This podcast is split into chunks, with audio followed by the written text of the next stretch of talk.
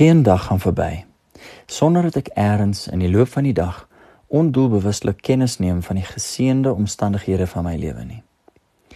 Die gewaarwording vind dan gewoonlik vergestalting in iets tussen ootmoed, verpletterende dankbaarheid en oorstelpte blydskap wat dikwels met 'n luide uiting gepaard gaan.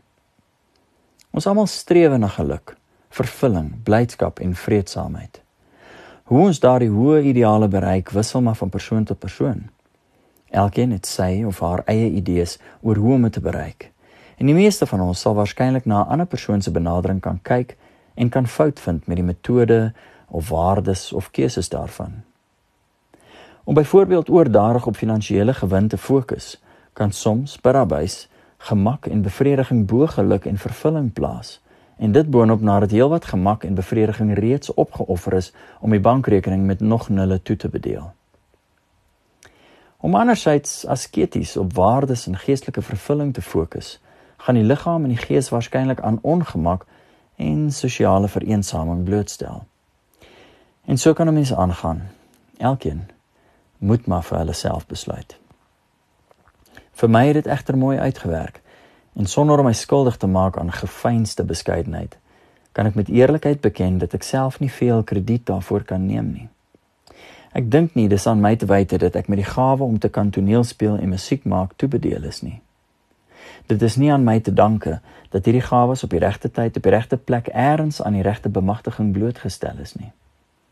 Dis ook nie aan my te wyte dat die produk van hierdie inspanning aan genoeg mense se voorkeur voldoen het ten einde 'n lewensvatbare inkoop op die beskoude waarde daarvan te bewerkstellig nie. Trouwens, ek is nie seker dat die werksetiek wat dit van my vereis het om my ideale te realiseer aan my te danke is nie. sien dit het nooit na werk gevoel nie. Maar as dit rekenkunde of administrasie was wat die verskil gemaak het, het ek dit nie gemaak nie want beide hierdie dissiplines wek in my 'n weerstand so oorweldigend dat ek ten spyte van die mooiste beloftes van vergoeding vir my inspanning erns die pad sou byste raak in die verwesenliking daarvan en gevolglik liderlik sou faal. Teen hierdie agtergrond dan die volgende. Ek kry reeds jare lank gereeld navrae van aspirant uitvoerende kunstenaars in verband met wenke vir deurbrake en aanduidings van kontakte ten einde die onduidelike kronkelpad na bo in 'n snelweg met duideliker aanwysings te omskep. Ek het ook baie begrip vir hierdie navrae. Self as ek vroeër in my loopbaan nie bo sodanige navrae verhewe nie. Ek byvoorbeeld in my onkunde destyds vir Connie de Villiers, Anton Goosen en 'n paar ander gevestigdes blootgestel aan die moontlike ongemak van dieselfde vraag. As hierdie skrywe die doel kan dien om vir die res van my lewe bloot om Marula Media skakel as antwoord te verskaf, dan is ek tevrede. Eers die slegte nuus. Ek ken kunstenaars, briljante kunstenaars met vaardighede wat ver bo my eie vermoë strek, wat in armoede en obskuriteit swoeg en sweet vir 'n plekjie in die son. Sommige van hulle het die droom verlaat en uiteindelik as neuroloë of internetspesialiste 'n finansiëel gemakliker lewe gevind.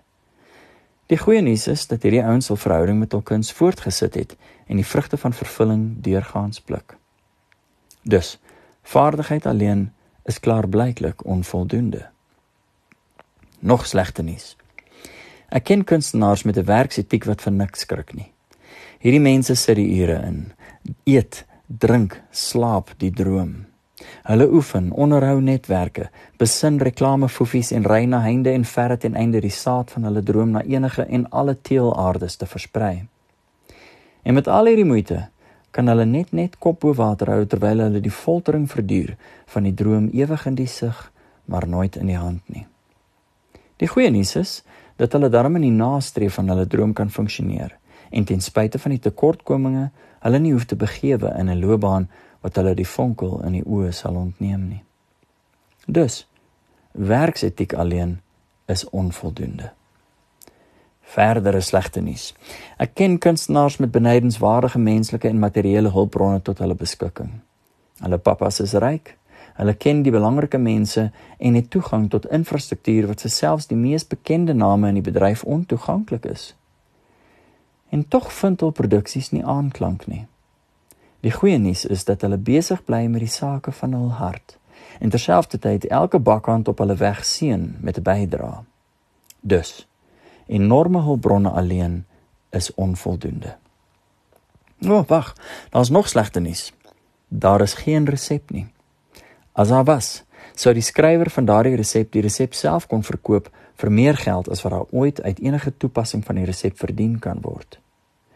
Die voor die hand liggende aanwysings vir toeganklikheid van kontemporêre kuns is juis vanweë hul resepmatigheid duidelik sigbaar.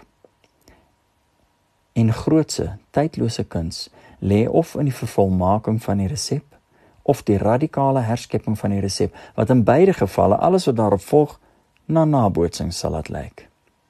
Wat vas en seker bly is wel die volgende. Besigheid kan val bloot omdat besigheid meetbaar is aan plusse, minusse, vermenigvuldigings en breuke. Kuns kan nie val nie omdat dit onmeetbaar is. Ander mates wat soms verkeerdelik op kuns toegepas word, is uiteindelik afleidings wat uit geassosieerde belange soos geld, aanhang en opspraak spruit en wat niks aan die kuns kan toevoeg of daarvan kan ontneem nie. Die beste kuns is kuns wat spruit uit toewyding, verdieping, inspirasie, opregtheid en die vergestalting van geestelike verheerliking so slegs kan geskied uit die aflegging van belange, agendas, voorneme en die druk van verwagtinge. En nou die goeie nuus is dit voorgenoemde kuns in 'n uitkomsgedrewe wêreld, in 'n wêreld waarin die mens toenemend met kunsmatige intelligensie gaan wedywer om produksiegehalte, in 'n wêreld waar hulpbronne, vaardigheid en geoptimaliseerde werksetiek tot groter uitnemendheid verskerp gaan word, die beskeie lig van diens en toewyding tot die onvervatbare geestelike oorsprong van die siel, die oerimpetus van kuns, helder en sterk sal skyn soos 'n vuurtoring in die donker chaos.